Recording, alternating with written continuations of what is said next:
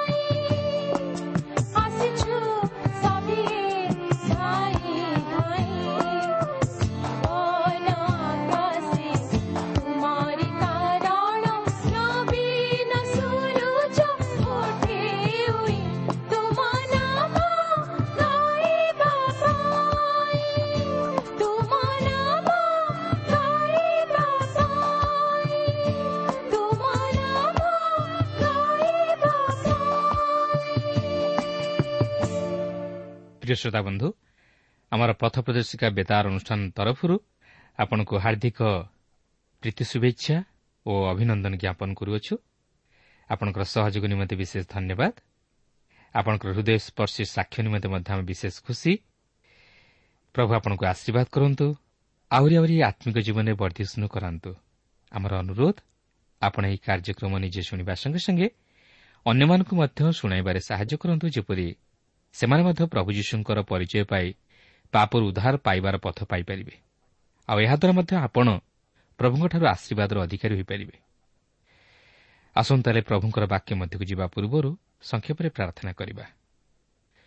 ଆମମାନଙ୍କର ସୃଷ୍ଟିକର୍ତ୍ତା ତଥା ଉଦ୍ଧାରକର୍ତ୍ତା ପ୍ରିୟ ପବିତ୍ର ପ୍ରଭୁ ଏହି ସୁନ୍ଦର ସମୟ ପାଇଁ ତୁମର ପବିତ୍ର ନାମର ଧନ୍ୟବାଦ କରୁଅଛୁ। ହଁ ପ୍ରଭୁ ଜଗତର ସମସ୍ତ ବ୍ୟସ୍ତତା ମଧ୍ୟରୁ ତୁମେ ଆମମାନଙ୍କୁ କଢ଼ାଇ ଆଣିଛ।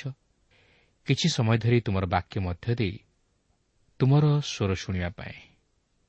ହଁ ପ୍ରଭୁ ତୁମେ ଆମମାନଙ୍କୁ ଏକ ଆତ୍ମିକ କର୍ଣ୍ଣ ଏକ ଆତ୍ମିକ ହୃଦୟ ଏକ ସରଳ ବିଶ୍ୱାସର ହୃଦୟ ଦାନ କର ଯେପରି ଆମେ ତୁମର ବାକ୍ୟ ଶୁଣିବା ସଙ୍ଗେ ସଙ୍ଗେ। ସେହି ବାକ୍ୟରେ ବିଶ୍ୱାସ କରି ତୁମଠାରେ ବିଶ୍ୱାସ କରି ଯେପରି ସେହି ବାକ୍ୟ ଅନୁଯାୟୀ ଚାଲିବାକୁ ପାରିବ। ତୁମର ଇଚ୍ଛା ଅନୁମୋଦିତ ଜୀବନଯାପନ କରି ତୁମର ସେହି ଆଶୀର୍ବାଦର ଅଧିକାରୀ ହେବାକୁ ପାରିବ। ଏହି ଅନୁଗ୍ରହ ତୁମେ ଦାନ କର। ଆଜିର ଏହି କାର୍ଯ୍ୟକ୍ରମ ମଧ୍ୟ ଦେଇ ପ୍ରଭୁ ତୁମେ ପ୍ରତ୍ୟେକ ଶ୍ରୋତାବନ୍ଧୁମାନଙ୍କୁ ଆଶୀର୍ବାଦ କର। ପ୍ରତ୍ୟେକଙ୍କର ମନୋବାଞ୍ଛା ପ୍ରଭୁ ତୁମେ ପୂର୍ଣ୍ଣ କରି ତୁମେ ଗୌରବ ମହିମା ପୂଜା ପ୍ରଶଂସା ପାଅ। ଏହି ସମସ୍ତ ପ୍ରାର୍ଥନା ଆମମାନଙ୍କର ଉଦ୍ଧାରକର୍ତ୍ତା ଜୀବିତ ପୁନରୁତ୍ଥିତ ପ୍ରିୟ ପ୍ରଭୁ ଯୀଶୁଙ୍କ ନାମରେ ଏ ଅଳ୍ପ ଭିକ୍ଷା ମାଗୁଅଛୁ।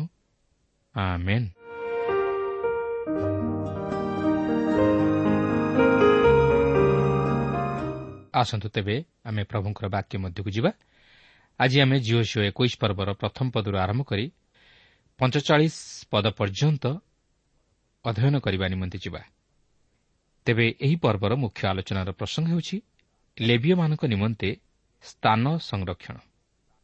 କାରଣ ଏହି ଲେବିୟମାନେ ଇସ୍ରାଏଲ୍ର ଅନ୍ୟ ଗୋଷ୍ଠୀୟମାନଙ୍କ ପରି ଭୂମି ପାଇନଥିଲେ। କିନ୍ତୁ ତହିଁ ପରିବର୍ତ୍ତରେ ସେମାନେ ଅନ୍ୟ ଗୋଷ୍ଠୀର ଭୂମିମାନଙ୍କ ମଧ୍ୟରୁ କେତେକ ନଗର ପାଇଥିଲେ। ଏହିପରି ଭାବରେ ସେମାନେ ଚାରିଆଡ଼େ ବିସ୍ତାରିତ ହୋଇକି ଥିଲେ ଯେପରି ସେମାନେ ଲୋକମାନଙ୍କୁ ଈଶ୍ୱରଙ୍କ ବିଷୟରେ ଶିକ୍ଷା ଦେଇ ଲୋକମାନଙ୍କ ନିମନ୍ତେ ସମସ୍ତ ଯାଜକୀୟ କାର୍ଯ୍ୟ ସମ୍ପାଦନ କରିପାରନ୍ତି। କାରଣ ଏହି ଲେବିୟ ଗୋଷ୍ଠୀ ଯାଜକୀୟ ଗୋଷ୍ଠୀ ଥିଲେ ଓ ଈଶ୍ୱରଙ୍କର ସେବକ ସ୍ୱରୂପେ ରହି କାର୍ଯ୍ୟ କରୁଥିଲେ। ଓ ଈଶ୍ୱରଙ୍କ ଅଧିକାର ସେମାନଙ୍କର ବାଣ୍ଟ ଥିଲା। ସେମାନେ ଈଶ୍ୱରଙ୍କର ସେହି ସେବା କାର୍ଯ୍ୟ କରି ନିଜର ଜୀବିକା ନିର୍ବାହ କରୁଥିଲେ କାରଣ ଈଶ୍ୱର ସେମାନଙ୍କର ଅଧିକାର ସ୍ୱରୂପ ଥିଲେ ଅର୍ଥାତ୍ ସେମାନେ ଈଶ୍ୱରଙ୍କର ଅଧିକାର ମଧ୍ୟରୁ ଭାଗ ପାଉଥିଲେ।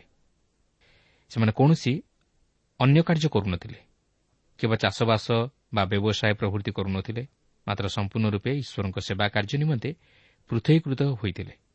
ଇସ୍ରାଏଲ୍ର ଦ୍ୱାଦଶ ବଂଶ ମଧ୍ୟରୁ ଏହି ଲେବିୟ ବଂଶ କେବଳ ଯାଜକୀୟ କାର୍ଯ୍ୟ ସମ୍ପାଦନ କରୁଥିଲେ ଓ ସେମାନେ କେବଳ ଏହି ଯାଜକୀୟ କାର୍ଯ୍ୟ ନିମନ୍ତେ ଆହୁତ ହୋଇଥିଲେ।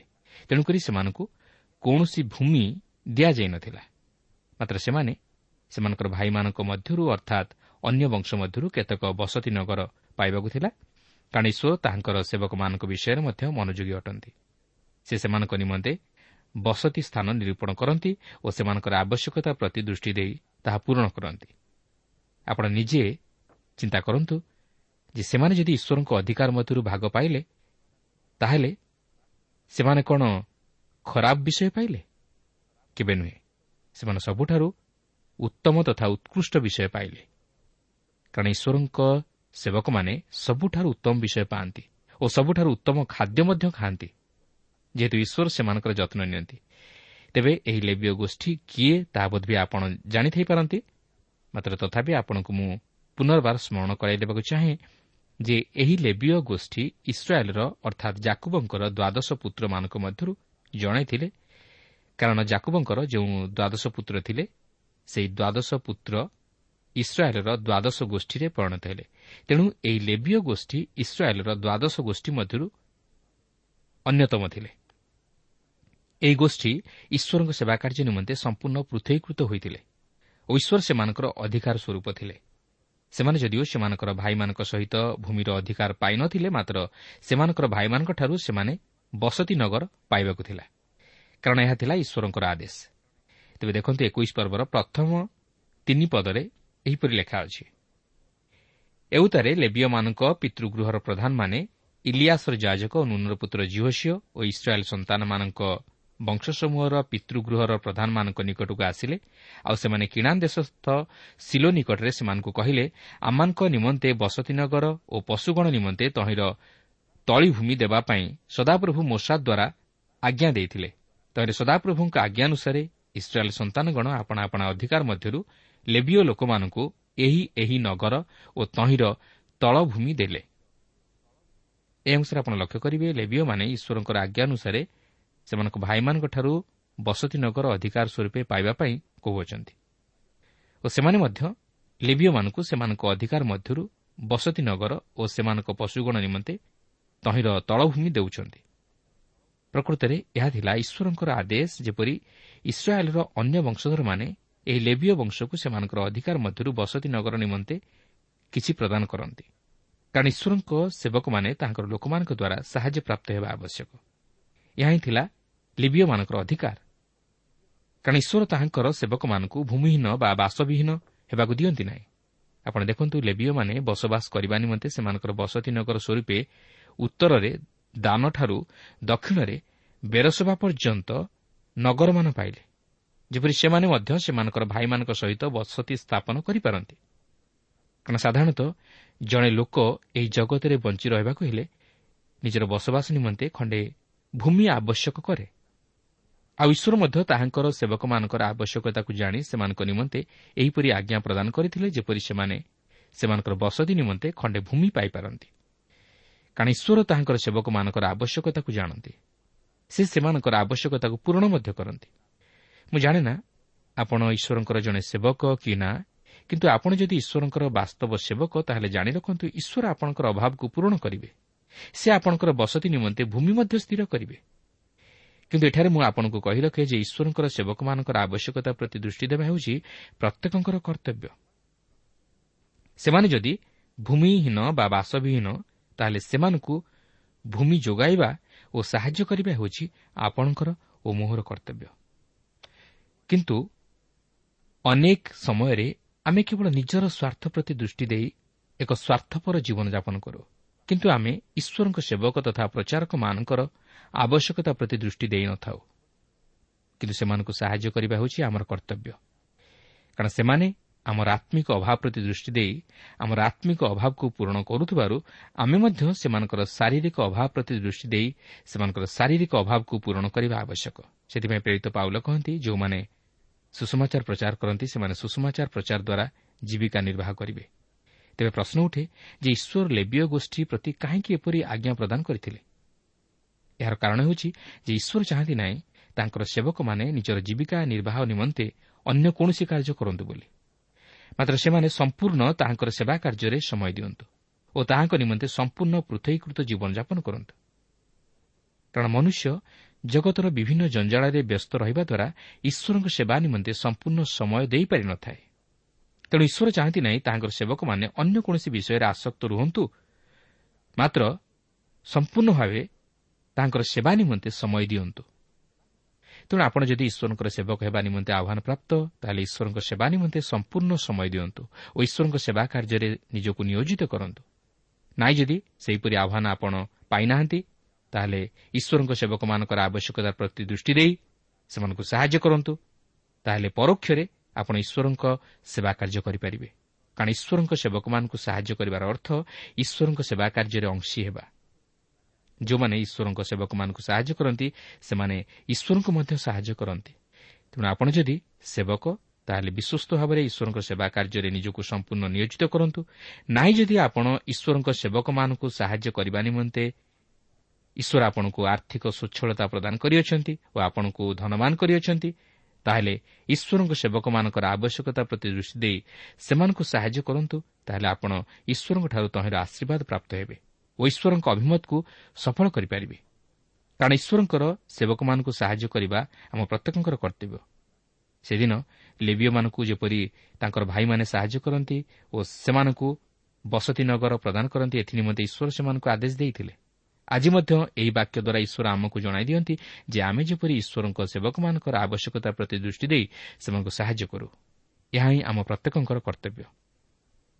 ଏହାପରେ ଏହି ଏକୋଇଶ ପର୍ବର ଚାରିପଦରୁ ବୟାଳିଶ ପଦ ମଧ୍ୟରେ ଆପଣ ପାଠ କଲେ ଜାଣିପାରିବେ ଯେ ସେମାନେ ଲେବିୟମାନଙ୍କର କହିବା ଅନୁଯାୟୀ ସେମାନଙ୍କୁ ସେମାନଙ୍କର ଅଧିକାର ମଧ୍ୟରୁ ବସତି ନଗର ସ୍ୱରୂପେ ଚାଳିଶଟି ନଗର ଲେବିୟମାନଙ୍କୁ ପ୍ରଦାନ କଲେ ଓ ତହିଁରେ ଲେବିୟ ଲୋକମାନେ ବସବାସ କଲେ। ତେବେ ସେହିସବୁ ପଦଗୁଡ଼ିକ ଆମେ ଗୋଟି ଗୋଟି କରି ପାଠ କରିବା ନାହିଁ। ଆପଣ ନିଜର ବ୍ୟକ୍ତିଗତ ବାଇବଲ ଅଧ୍ୟୟନ ସମୟରେ ଘରେ ତାହା ପାଠ କରିନେବେ। କିନ୍ତୁ ଏହି ଏକୋଇଶ ପର୍ବର ତେୟାଳିଶରୁ ପଞ୍ଚଚାଳିଶ ପଦ ଉପରେ ମୁଁ ଟିକେ ଆପଣଙ୍କର ଦୃଷ୍ଟି ଆକର୍ଷଣ କରିବା ପାଇଁ ଚାହେଁ। ଦେଖନ୍ତୁ ଏଠାରେ ଏହିପରି ଲେଖା ଅଛି। ସଦାପ୍ରଭୁ ଇସ୍ରାଏଲୀୟମାନଙ୍କୁ ଯେ ଯେ ଦେଶ ଦେବାକୁ ସେମାନଙ୍କ ପୂର୍ବପୁରୁଷଗଣ ନିକଟରେ ଶପଥ କରିଥିଲେ ସେ ସମସ୍ତ ଦେଶ ସେ ସେମାନଙ୍କୁ ଦେଲେ। ପୁଣି ସେମାନେ ତାହା ଅଧିକାର କରି ତହିଁ ମଧ୍ୟରେ ବାସ କଲେ। ଆଉ ସଦାପ୍ରଭୁ ସେମାନଙ୍କ ପୂର୍ବପୁରୁଷଗଣ ନିକଟରେ କୃତ ଆପଣ ସମସ୍ତ ଶପଥ ଅନୁସାରେ ଚାରିଆଡ଼େ ସେମାନଙ୍କୁ ବିଶ୍ରାମ ଦେଲେ। ପୁଣି ସେମାନଙ୍କ ଶତ୍ରୁମାନଙ୍କ ମଧ୍ୟରୁ କେହି ସେମାନଙ୍କ ସମ୍ମୁଖରେ ଠିଆ ହୋଇପାରିଲା ନାହିଁ। ସଦାପ୍ରଭୁ ସେମାନଙ୍କ ସମସ୍ତ ଶତ୍ରୁଙ୍କୁ ସେମାନଙ୍କ ହସ୍ତରେ ସମର୍ପଣ କଲେ। ସଦାପ୍ରଭୁ ଇସ୍ରାଏଲ୍ ବଂଶକୁ ଯେ ଯେ ମଙ୍ଗଳର କଥା କହିଥିଲେ ତହିଁ ମଧ୍ୟରୁ ଗୋଟିଏ ମାତ୍ର କଥା ବିଫଳ ହେଲା ନାହିଁ ସବୁ ସଫଳ ହେଲା। ଏହି ଅଂଶରେ ଆପଣ ଲକ୍ଷ୍ୟ କରନ୍ତୁ ଇସ୍ରାଏଲ୍ ସନ୍ତାନଗଣ ସେମାନଙ୍କର ବଂଶ ଅନୁଯାୟୀ ଅଧିକାର ପ୍ରାପ୍ତ ହେଲେ ଓ ସେମାନେ ତାହା ଅଧିକାର କରି ତହିଁରେ ବସବାସ କଲେ। ଓ ସେମାନଙ୍କ ଶତ୍ରୁମାନଙ୍କୁ ସେମାନଙ୍କ ହସ୍ତରେ ସମର୍ପଣ କଲେ। ଏଠାରେ ଆମେ ଦେଖୁଛୁ ଯେ ଈଶ୍ୱର ତାଙ୍କର ପ୍ରତିଜ୍ଞା ଅନୁଯାୟୀ ସମସ୍ତ ବିଷୟ ସାଧନ କଲେ ଓ ତାଙ୍କର ମନୋନୀତ ଜାତି ଇସ୍ରାଏଲ୍କୁ ସେହି ପ୍ରତିଜ୍ଞାତ ଦେଶର ଅଧିକାରୀ କରାଇ ସେମାନଙ୍କୁ ସେହି ଦେଶ ଦେଲେ। ଯଦିଓ ସେମାନେ କିଣା ଦେଶକୁ ଅଧିକାର କରିଥିଲେ ମାତ୍ର ତହିଁର ସମସ୍ତ ଅଞ୍ଚଳକୁ ଅଧିକାର କରିପାରି ନ ଥିଲେ କିନ୍ତୁ ସେ ଯାଉନା କାହିଁକି ସେମାନେ ବର୍ତ୍ତମାନ ଯେଉଁ ସମସ୍ତ ଅଞ୍ଚଳ ଅଧିକାର କରିଅଛନ୍ତି ତାହା ଶତ୍ରୁମାନଙ୍କ ହସ୍ତରୁ ମୁକ୍ତ ଓ ସେମାନେ ବିଶ୍ରାମ ପାଇଅଛନ୍ତି। ସେମାନେ ଆଉ ଶତ୍ରୁମାନଙ୍କର ସମ୍ମୁଖୀନ ହେବାକୁ ଯାଉନାହାନ୍ତି। ମାତ୍ର ସେହି ଦେଶରେ ନିରାପଦରେ ବାସ କରି ବିଶ୍ରାମ ପାଇବାକୁ ଯାଉଅଛନ୍ତି। ସେମାନଙ୍କର ସେହି ଦୀର୍ଘ ଦିନର ପ୍ରାନ୍ତର ଭ୍ରମଣ ଓ ସମସ୍ୟାର ଦିନ ଶେଷ ହୋଇଅଛି ଓ ସେମାନେ ବିଶ୍ରାମ ପାଉଅଛନ୍ତି। ଠିକ୍ ସେହିପରି ପ୍ରିୟ ବନ୍ଧୁ ସେହି ବିଶ୍ରାମ ଆଜି ଆମମାନଙ୍କ ନିମନ୍ତେ ଏକ ଉଦ୍ଧାରର ବିଶ୍ରାମ। ସେହି ବିଶ୍ରାମ ଆଜି ଆମେ ପ୍ରତ୍ୟେକ ପାଇବାକୁ ଚାହୁଁ। ବର୍ତ୍ତମାନ ଆମେ ଏହି ଯେଉଁ ସମୟରେ ଆସି ପହଞ୍ଚିଛୁ ଏହା ଏକ ସମସ୍ୟା ବହୁଳ ସମୟ। ବିଭିନ୍ନ ପ୍ରକାର ଚାପ ଦ୍ୱାରା ମନୁଷ୍ୟ ଆଜି କ୍ଲାନ୍ତ ଶ୍ରାନ୍ତ ହୋଇ କେବଳ ବିଶ୍ରାମ ଖୋଜେ। ମଣିଷ ଆଜି ବିଶ୍ରାମ ଖୋଜେ ମାତ୍ର ବିଶ୍ରାମ ପାଏ ନା। କେହି ବା ଶାରୀରିକ କ୍ଲାନ୍ତି କେହି ବା ମାନସିକ କ୍ଲାନ୍ତି ଅନୁଭବ କରେ। ଆଜି ଏହିପରି ଭାବରେ ପ୍ରତ୍ୟେକ ମନୁଷ୍ୟ ଶାରୀରିକ ଓ ମାନସିକ କ୍ଲାନ୍ତି ହେତୁ ବିଶ୍ରାମ ପାଏ ନା। କିନ୍ତୁ ମନୁଷ୍ୟ କେତେବେଳେ ବାସ୍ତବରେ ବିଶ୍ରାମ ପାଏ ଯେତେବେଳେ ସେ ନିଜ ପାପରୁ ଉଦ୍ଧାର ପାଏ ସେତେବେଳେ ସେ ପ୍ରକୃତରେ ବିଶ୍ରାମ ପାଏ କାରଣ ମନୁଷ୍ୟ ତା'ର ପାପ ଲାଗି କେବେ ହେଲେ ବିଶ୍ରାମ ପାଏ ନା ଶାରୀରିକ ଭାବେ ହେଉ ବା ମାନସିକ ଭାବେ ହେଉ ପ୍ରତ୍ୟେକର ମୂଳରେ ରହିଛି ପାପ ଏହି ପାପ ଆମ ଜୀବନରୁ ବିଶ୍ରାମକୁ ହରଣ କରିନିଏ ଶାନ୍ତି ହରଣ କରିନିଏ ଆମେ ସମସ୍ୟା ମଧ୍ୟରେ ପଡ଼ି ଶ୍ରାନ୍ତ କ୍ଲାନ୍ତ ହୋଇଯାଉ ଓ ଯେପର୍ଯ୍ୟନ୍ତ ଏହି ପାପର ସମାଧାନ ନ ହୋଇଛି ଓ ଆମେ ପାପରୁ ଉଦ୍ଧାର ନ ପାଇଛୁ ସେ ପର୍ଯ୍ୟନ୍ତ ଆମେ ବିଶ୍ରାମ ପାଇବା ନାହିଁ। ଆମର ଚତୁଃପାର୍ଶ୍ୱରେ ଶତ୍ରୁମାନେ ଘେରି ରହିଥିବେ ଆମର ଚତୁଃପାର୍ଶ୍ୱରେ ବିପଦ ଘେରି ରହିଥିବ ଯେଉଁଥିଲାଗି ଆମେ ମଧ୍ୟ ବିଶ୍ରାମ ପାଇପାରିବା ନାହିଁ।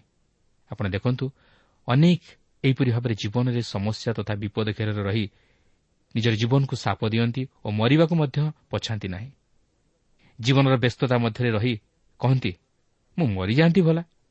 ତାହେଲେ ଏହି ଜଞ୍ଜାଳରୁ ମୁକ୍ତ ହୋଇ ବିଶ୍ରାମ ପାଆନ୍ତି ଆଜି ମନୁଷ୍ୟ ଶାରୀରିକ ଭାବେ ଯେତେ କ୍ଲାନ୍ତି ଅନୁଭବ କରେ ନା ମାତ୍ର ମାନସିକ ଭାବେ ସେତେ କ୍ଲାନ୍ତି ଅନୁଭବ କରେ ଓ ବିଶ୍ରାମ ଖୋଜେ କିନ୍ତୁ ଏହିସବୁ କ'ଣ ପାଇଁ ଘଟେ ଏହାର ମୂଳରେ ରହିଛି ପାପ ମଣିଷ ଯେପର୍ଯ୍ୟନ୍ତ ନିଜର ପାପକୁ ଛପେଇ ରଖିବାକୁ ଚେଷ୍ଟା କରେ ଓ ଯେପର୍ଯ୍ୟନ୍ତ ସେ ସେହି ପାପରେ ରହିଥାଏ ସେ ପର୍ଯ୍ୟନ୍ତ ସେ ବାସ୍ତବରେ ବିଶ୍ରାମ ପାଏ ନା ପ୍ରିୟ ବନ୍ଧୁ ଏହି ଜଗତ ରୂପକ ପ୍ରାନ୍ତର ମଧ୍ୟରେ ଆମେ ଗତି କରିବା ବେଳେ ଆମକୁ ଅନେକ ଘାତ ପ୍ରତିଘାତ ମଧ୍ୟ ଦେଇ ଗତି କରିବାକୁ ହେବ। କିନ୍ତୁ ଆମେ ଯଦି ପ୍ରକୃତରେ ପ୍ରଭୁ ଯୀଶୁଙ୍କ ସହିତ ଲାଗି ରହୁ ଓ ତାହାଙ୍କ ସହିତ ସଂଯୁକ୍ତ ଜୀବନଯାପନ କରୁ ତାହେଲେ ଆମେ ଏହି ସମସ୍ତ ଦୁଃଖ କ୍ଲେଶ ତଥା ସମସ୍ୟା ମଧ୍ୟ ଦେଇ ଗତି କଲେ ସୁଦ୍ଧା ଆମେ କେବେ ହେଲେ ନିରାଶ ହେବା ନାହିଁ। କାରଣ ସେହି ପ୍ରଭୁ ଯୀଶୁ ସମସ୍ତ ପାପରୁ ଆମକୁ ଉଦ୍ଧାର କରି ଆମକୁ ବାସ୍ତବରେ ତାଙ୍କର ସେହି ବିଶ୍ରାମରେ ପ୍ରବେଶ କରାଇବେ। ସେ ଆମକୁ ବାସ୍ତବ ଶାନ୍ତି ଦେବେ। ଆପଣ ଯଦି ବିଚାରକର୍ତ୍ତାଙ୍କର ପୁସ୍ତକ ପାଠ କରିବେ ତାହେଲେ ସେଠାରେ ଜାଣିବାକୁ ପାରିବେ ଯେ ଇସ୍ରାଏଲ୍ ଲୋକମାନେ ସେମାନଙ୍କର ଶତ୍ରୁମାନଙ୍କଠାରୁ ସମ୍ପୂର୍ଣ୍ଣ ରୂପେ ସେମାନଙ୍କର ଅଧିକାର ପ୍ରାପ୍ତ ହୋଇପାରିଲେ ନାହିଁ। ସେମାନେ ସେମାନଙ୍କର ଶତ୍ରୁମାନଙ୍କଠାରୁ ତାହା ଅଧିକାର କରିବା ନିମନ୍ତେ ବିଫଳ ହେଲେ। କାହିଁକି? ଯେହେତୁ ସେମାନେ ଅବିଶ୍ୱାସ କଲେ। ଏପରିକି ଝିଅ ଝିଅ ମଧ୍ୟ ସେମାନଙ୍କୁ ସମ୍ପୂର୍ଣ୍ଣ ତାହା ଅଧିକାର କରାଇବା ନିମନ୍ତେ ସକ୍ଷମ ହୋଇପାରିଲେ ନାହିଁ। କାରଣ ସେମାନେ ଈଶ୍ୱରଙ୍କଠାରେ ବିଶ୍ୱାସ କଲେ ନାହିଁ କି ତାହାଙ୍କର ଶକ୍ତି ଉପରେ ନିର୍ଭର କଲେ ନାହିଁ।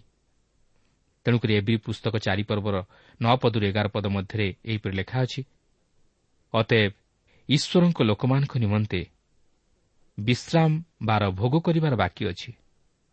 ଜଣେ ଯିଏ ତାହାଙ୍କ ବିଶ୍ରାମରେ ପ୍ରବେଶ କରିଅଛି ଈଶ୍ୱର ଆପଣା କାର୍ଯ୍ୟରୁ ଯେପରି ବିଶ୍ରାମ କଲେ ସେପରି ସେ ମଧ୍ୟ ଆପଣା କାର୍ଯ୍ୟରୁ ବିଶ୍ରାମ ପ୍ରାପ୍ତ ହୋଇଅଛି। ଏଣୁ ଆସ ଆମ୍ଭେମାନେ ସେହି ବିଶ୍ରାମରେ ପ୍ରବେଶ କରିବାକୁ ଯତ୍ନ କରୁ। ଯେପରି କୌଣସି ଲୋକ ଅବାଧ୍ୟତାର ସେହି ଦୃଷ୍ଟାନ୍ତ ଅନୁସାରେ ପତିତ ନ ହୁଏ। ଏହି ବିଷୟଟି ଇସ୍ରାଏଲ୍ ଲୋକମାନଙ୍କର ବିଫଳତାକୁ ଦେଖାଇ ଆମମାନଙ୍କୁ ସତର୍କ କରାଇଦିଏ। ଯେପରି ଆମେ ଈଶ୍ୱରଙ୍କଠାରେ ବିଶ୍ୱାସ କରି ଓ ତାହାଙ୍କର ବାଧ୍ୟ ହୋଇ ସେହି ବିଶ୍ରାମରେ ପ୍ରବେଶ କରୁ। ଅନେକ ଭାବନ୍ତି ଯେ ମୃତ୍ୟୁ ପରେ ହିଁ କେବଳ ବିଶ୍ରାମ ଥାଏ। କିନ୍ତୁ ତାହା ନୁହେଁ। ଏହି ଜଗତରେ ଥାଉଁ ଥାଉଁ ମଧ୍ୟ ଆମେ ଈଶ୍ୱରଙ୍କ ବିଶ୍ରାମରେ ପ୍ରବେଶ କରୁ। ଯଦି ଆମେ ନିଜର ପାପରୁ ମନ ପରିବର୍ତ୍ତନ କରି ପ୍ରଭୁ ଯୀଶୁଙ୍କର ନିକଟବର୍ତ୍ତୀ ହେଉ ଓ ତାହାଙ୍କଠାରେ ବିଶ୍ୱାସ କରୁ ତାହେଲେ ଆମେ ସେହି ବିଶ୍ରାମରେ ପ୍ରବେଶ କରୁ। ଆପଣ ଜାଣିଥିବେ ଯେ ଯେତେବେଳେ ଇସ୍ରାଏଲ୍ ଯୀଶୁଖ୍ରୀଷ୍ଟଙ୍କୁ ରାଜା ରୂପେ ଗ୍ରହଣ କଲା ନାହିଁ ସେତେବେଳେ ସେ ସେମାନଙ୍କର ନଗରଗୁଡ଼ିକୁ ମଧ୍ୟ ଅଗ୍ରାହ୍ୟ କଲେ ଓ ସେ ଏକ ବ୍ୟକ୍ତିଗତ ନିମନ୍ତ୍ରଣ ଜଣାଇଲେ ଯାହାକି ମାଥ୍ୟୁ ଏଗାର ପର୍ବର ଅଠେଇଶ ପଦରେ ଲେଖା ଅଛି। ହେ ପରିଶ୍ରାନ୍ତ ଓ ଭାରଗ୍ରସ୍ତ ଲୋକ ସମସ୍ତେ ମୋ ନିକଟକୁ ଆସ। ମୁଁ ତୁମମାନଙ୍କୁ ବିଶ୍ରାମ ଦେବି। ତେବେ ସେହି ବିଶ୍ରାମ କ'ଣ? ସେହି ବିଶ୍ରାମ ହେଉଛି ଉଦ୍ଧାରର ବିଶ୍ରାମ। ପ୍ରିୟ ବନ୍ଧୁ ପ୍ରଭୁ ଯୀଶୁ ଆଜି ମଧ୍ୟ ଆପଣଙ୍କୁ ଓ ମୋତେ ସେହି ବିଶ୍ରାମ ଦେବାକୁ ଚାହାନ୍ତି। କିନ୍ତୁ ଆପଣ କ'ଣ ଆଜି କ୍ଲାନ୍ତି ଅନୁଭବ କରନ୍ତି କି? ଆପଣ କ'ଣ ସେହି ପାପ ବୋଝରୁ ମୁକ୍ତି ପାଇବାକୁ ଚାହାନ୍ତି କି? ଆପଣ କ'ଣ ନିଜର ମାନସିକ ଜୀବନରେ ସେହି ବିଶ୍ରାମ ପାଇବାକୁ ଚାହାନ୍ତି କି? ତାହେଲେ ପ୍ରଭୁ ଯୀଶୁଙ୍କଠାରେ ବିଶ୍ୱାସ କରନ୍ତୁ ଓ ନିଜର ପାପରୁ ମନ ପରିବର୍ତ୍ତନ କରି ତାହାଙ୍କଠାରେ ନିଜର ପାପ ସବୁ ସ୍ୱୀକାର କରି ଉଦ୍ଧାର ପାଆନ୍ତୁ। ତାହେଲେ ଆପଣ ବାସ୍ତବରେ ବିଶ୍ରାମ ପାଇବେ। ପ୍ରଭୁ ଯୀଶୁ ଆଜି ଆପଣଙ୍କୁ ମଧ୍ୟ ସେହି ବିଶ୍ରାମ ଦେବାକୁ ଚାହାନ୍ତି। ଯାହାକି ଜଗତ ଆପଣଙ୍କୁ ଦେଇନପାରେ କିନ୍ତୁ ଯେପର୍ଯ୍ୟନ୍ତ ଆପଣ ନିଜର ପାପକୁ ଲୁଚାଇ ରଖିବାକୁ ଚେଷ୍ଟା କରିବେ ସେ ପର୍ଯ୍ୟନ୍ତ ଆପଣ ବିଶ୍ରାମ ପାଇବେ ନାହିଁ। ବରଞ୍ଚ ବେଳକୁ ବେଳ ବିଶ୍ରାମ ବିହୀନ ହୋଇଯିବେ। ଆପଣ ଯେଉଁଆଡ଼େ ଗଲେ ଯାହା କିଛି କଲେ ମଧ୍ୟ ବିଶ୍ରାମ ପାଇବେ ନାହିଁ। ତେଣୁ ସମୟ ଥାଉଁ ଥାଉଁ ନିଜର ପାପ ସ୍ୱୀକାର କରି ପ୍ରଭୁ ଯୀଶୁଙ୍କଠାରେ ବିଶ୍ୱାସ କରନ୍ତୁ ଓ ନିଜର ଆତ୍ମାରେ ବିଶ୍ରାମ ପାଆନ୍ତୁ। ଆଜି ଯଦି ମନୁଷ୍ୟ ଶାନ୍ତି ହରାଏ। ବିଶ୍ରାମ ପାଏନା ତାହା କେବଳ ହେଉଛି ତାହା ନିଜର ପାପ ହେତୁ। ସେହି ପାପ ତାର ସମସ୍ତ କିଛି ହରଣ କରିନିଏ। ତାର ନିଜର ବିବେକ ତାହାକୁ ଗଞ୍ଜଣା ଦିଏ। ସେ ଶାନ୍ତି ପାଇପାରେ ନା ତାହା ମନରେ ଭୟ ଆସେ। ତାକୁ ସମସ୍ୟା ଘେରିଯାଏ। ଆଉ ସେ ନିଶ୍ଚିନ୍ତରେ ଶୋଇପାରେ ନା ପ୍ରିୟ ବନ୍ଧୁ ଆପଣ ଟଙ୍କା ଦ୍ୱାରା ସବୁକିଛି କିଣିପାରିବେ। କିନ୍ତୁ ଆପଣ ଟଙ୍କା ଦ୍ୱାରା ଶାନ୍ତି କିଣିପାରିବେ ନାହିଁ। ଆପଣ ଟଙ୍କା ଦ୍ୱାରା ପରିତାଣ କିଣିପାରିବେ ନାହିଁ। ଆପଣ ଟଙ୍କା ଦ୍ୱାରା ଅନନ୍ତ ଜୀବନ କିଣିପାରିବେ ନାହିଁ। ଆପଣ ଟଙ୍କା ଦ୍ୱାରା ସୁଖ ନିଦ୍ରା କିଣିପାରିବେ ନାହିଁ। ଆପଣଙ୍କର ସୁନାର ପଲଙ୍କ ଥାଇପାରେ। ମାତ୍ର ଆପଣ ସୁଖ ନିଦ୍ରା ପାଇପାରିବେ ନାହିଁ। ଆପଣଙ୍କର ସବୁକିଛି ଥାଇପାରେ। ମାତ୍ର ଆପଣ ଶାନ୍ତି ପାଇପାରିବେ ନାହିଁ। ତେଣୁ ପ୍ରିୟ ବନ୍ଧୁ ସେହି ପ୍ରଭୁ ଯୀଶୁ ଆଜି ମଧ୍ୟ ଅପେକ୍ଷା କରି ବସିଅଛନ୍ତି। ଆମମାନଙ୍କୁ ଶାନ୍ତି ଦେବା ପାଇଁ। ଆଉ ମନୁଷ୍ୟ କେତେବେଳେ ଶାନ୍ତି ଓ ଆନନ୍ଦରେ ବାସ କରିପାରିବ? ଯେତେବେଳେ ତାହାର ମନ ମଧ୍ୟରୁ ପାପର ଭୟ ଦୂରେଇଯିବ ସେତେବେଳେ ସେ ଶାନ୍ତିରେ ବିଶ୍ରାମ କରିପାରିବ। କିନ୍ତୁ ଯେପର୍ଯ୍ୟନ୍ତ ମନୁଷ୍ୟ ନିଜର ଜୀବନରେ ପାପକୁ ଲୁଚାଇ ରଖିଥିବ ସେ ପର୍ଯ୍ୟନ୍ତ ସେ କେବେ ହେଲେ ଶାନ୍ତିରେ ରହିପାରିବ ନାହିଁ। ହଁ ଆପଣ ପାପକୁ ଲୁଚାଇ ରଖି ଲୋକମାନଙ୍କ ନିକଟରେ ଶାନ୍ତିରେ ରହୁଛନ୍ତି ବୋଲି ନିଜକୁ ଦେଖାଇ ପାରନ୍ତି। ମାତ୍ର ଆପଣ କେବେ ହେଲେ ନିଜେ ଶାନ୍ତିରେ ରହିପାରିବେ ନାହିଁ। ତେଣୁ ଆଜି ଯଦି ଆପଣ ଶାନ୍ତିରେ ରହିବା ପାଇଁ ଚାହାନ୍ତି ନିରାପଦରେ ବାସ କରିବା ପାଇଁ ଚାହାନ୍ତି ସୁଖକର ଜୀବନଯାପନ କରିବା ପାଇଁ ଚାହାନ୍ତି ସଫଳତାର ଜୀବନଯାପନ କରିବା ପାଇଁ ଚାହାନ୍ତି ନିରାପଦରେ ବାସ କରିବା ପାଇଁ ଚାହାନ୍ତି ତାହେଲେ ପ୍ରଥମେ ନିଜର ଜୀବନକୁ ସମୀକ୍ଷା କରନ୍ତୁ। କେଉଁଠାରେ ନିଜର ଜୀବନରେ ପାପ ରହିଅଛି ଆଉ ସେହି ପାପକୁ ପ୍ରଭୁ ଯୀଶୁଖ୍ରୀଷ୍ଟଙ୍କଠାରେ ସ୍ୱୀକାର କରନ୍ତୁ କ୍ଷମା ମାଗନ୍ତୁ ତାହେଲେ ସେ ଆପଣଙ୍କୁ ପାପରୁ ଉଦ୍ଧାର କରି ଆପଣଙ୍କୁ ଶାରୀରିକ ଭାବେ ଆଉ ମାନସିକ ଭାବେ ଓ ଆତ୍ମିକ ଭାବେ ସେହି ଶାନ୍ତି ଓ ଆନନ୍ଦରେ ପରିପୂର୍ଣ୍ଣ କରିବେ। ଆପଣ ସେହି ଅନନ୍ତ ଜୀବନର ଅଧିକାରୀ ହୋଇପାରିବେ। ପ୍ରଭୁ ପ୍ରତ୍ୟେକଙ୍କୁ ଆଶୀର୍ବାଦ କରନ୍ତୁ।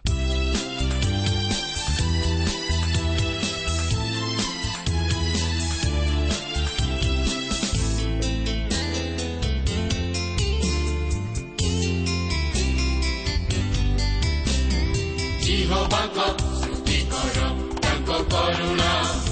ଚିରସ୍ଥାୟୀ ପ୍ରଭୁମାନଙ୍କ ପ୍ରଭୁଙ୍କ ସ୍ତୁତି କର ତାଙ୍କ କରୁଣା ଚିରସ୍ଥାୟୀ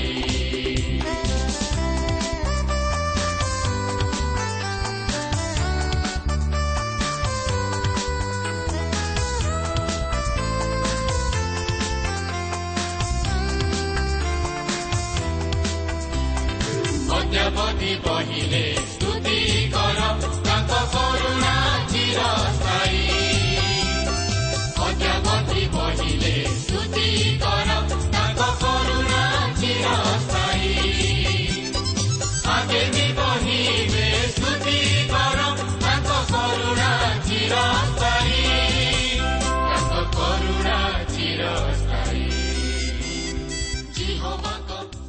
ଶ୍ରୋତା ଆପଣ ଈଶ୍ୱରଙ୍କ ବାକ୍ୟ ଶୁଣିବା ନିମନ୍ତେ ସମୟ ଦେଇଥିବାରୁ ଆମେ ଧନ୍ୟବାଦୀ।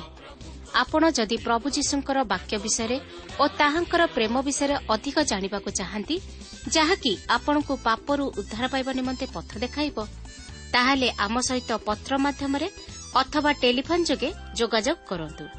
ଆମର ଠିକଣା ପଥ ପ୍ରଦର୍ଶିକା Trans World Radio India post box number ତିନି ତିନି ଭୁବନେଶ୍ୱର ସାତ ପାଞ୍ଚ ଏକ ଶୂନ ଶୂନ ଏକ mobile number nine seven double seven double two one four one five ଠିକଣାଟି ଆଉଥରେ ଶୁଣନ୍ତୁ ପଥ ପ୍ରଦର୍ଶିକା trans world radio India post box number three three Bhubaneswar seven five one zero zero one mobile number nine seven double seven double two one four one five ଆମର email ଆଡ୍ରେସ୍ଟି ଲେଖି ରଖନ୍ତୁ Odia TTV at radio eight eight two dot com ତେବେ ଆଜି ପାଇଁ ଏଠାରେ ରଖୁଛୁ। ପ୍ରଭୁ ଯୀଶୁ ଆପଣଙ୍କୁ ଆଶୀର୍ବାଦ କରନ୍ତୁ। ନମସ୍କାର।